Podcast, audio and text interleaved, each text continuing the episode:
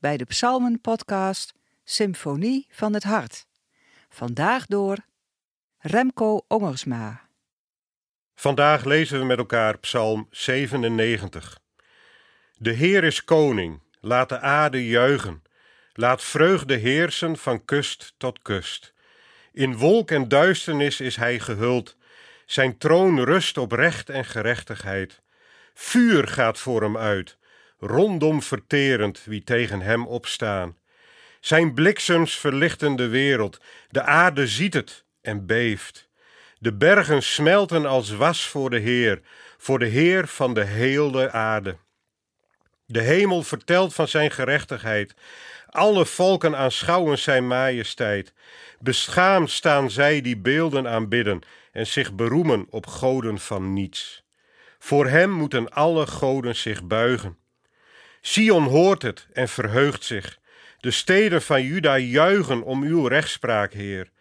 U, Heer, bent de hoogste op heel de aarde, boven alle goden hoog verheven. U die de Heer bemint, haat het kwade. Hij behoedt het leven van wie hem trouw zijn. Uit de greep van de goddelozen bevrijdt hij hen.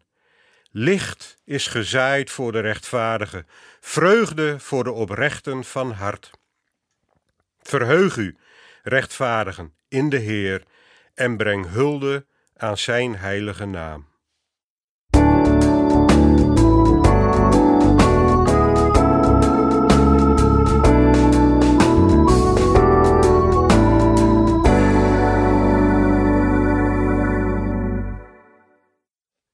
Ik was een jaar of acht en had ruzie met mijn buurjongen.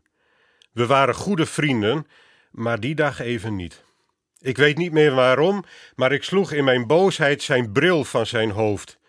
Het glas lag in een paar stukken op de grond.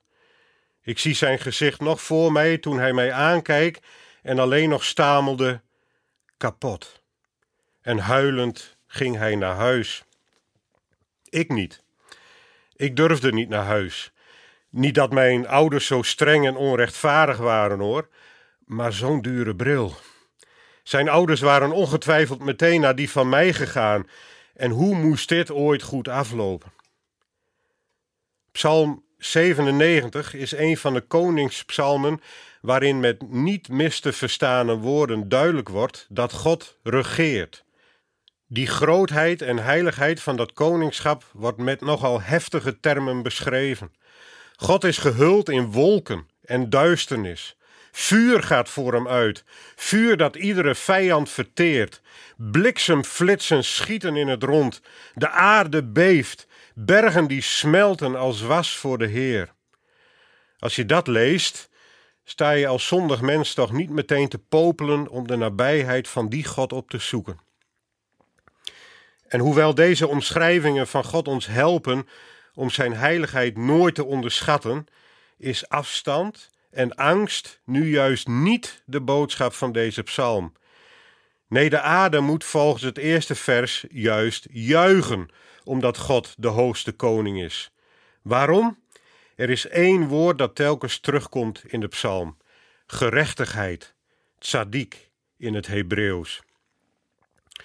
Doordat de Latijnse vertaling van de Bijbel, de Vulgaat, die veel invloed heeft gehad op ons theologisch denken, het woord telkens vertaald met justitia, heeft recht en rechtvaardigheid voor ons een hele juridische lading gekregen.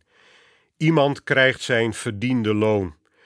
Een rechtvaardig God is dan een God die ons straft voor de zonde. Nou, daar word je niet echt rustiger van als je deze psalm leest. Maar wanneer het gaat om Gods vergelding voor zonde en onrecht, worden hele andere termen gebruikt in het Oude Testament. Tzaddik, rechtvaardigheid, heeft een veel bredere en rijkere lading. Gods rechtvaardigheid is eigenlijk altijd goed nieuws voor zijn volk.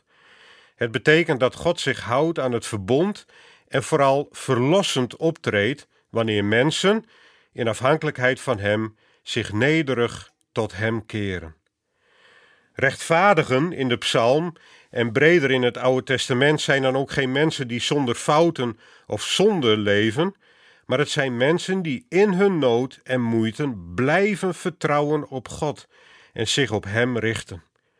Zij staan als rechtvaardigen dan tegenover de goddelozen, zij die hun eigen koers varen zonder rekening te houden met God. Zo werd het geloof en het vertrouwen van Abraham hem als rechtvaardigheid, als tzaddik, aangerekend. En Abraham heeft ook echt wel de nodige fouten gemaakt. Dat geldt ook voor David, de schrijver van deze psalm. In zijn nood, in momenten van onderdrukking, maar ook van fouten en zonden, keert hij zich tot die grote koning, bij wie ieder mens vreugde en verlossing mag vinden. Zo eindigt deze psalm ook. Licht is gezaaid voor de rechtvaardigen, vreugde voor de oprechten van hart. Dat zijn mensen die in alle omstandigheden vertrouwen op God. Uiteindelijk ging ik naar huis. Daar ontdekte ik voor het eerst wat verzekeringen zijn. Natuurlijk waren mijn ouders niet blij met mijn domme actie, maar mijn spijt en excuses aan mijn buurjongen maakten veel goed en alles werd vergoed. Misschien heb je wel de neiging om je voor God te verstoppen, juist wanneer het misgaat in je leven. Dan worden de beelden van een boze God die wraakzuchtig is uitvergroot. Maar juist op die momenten mag je je wenden tot de rechtvaardige, om dan te ontdekken dat Gods liefde en genade altijd zullen overwinnen in het leven van hen die ten alle tijden durven te vertrouwen op Hem.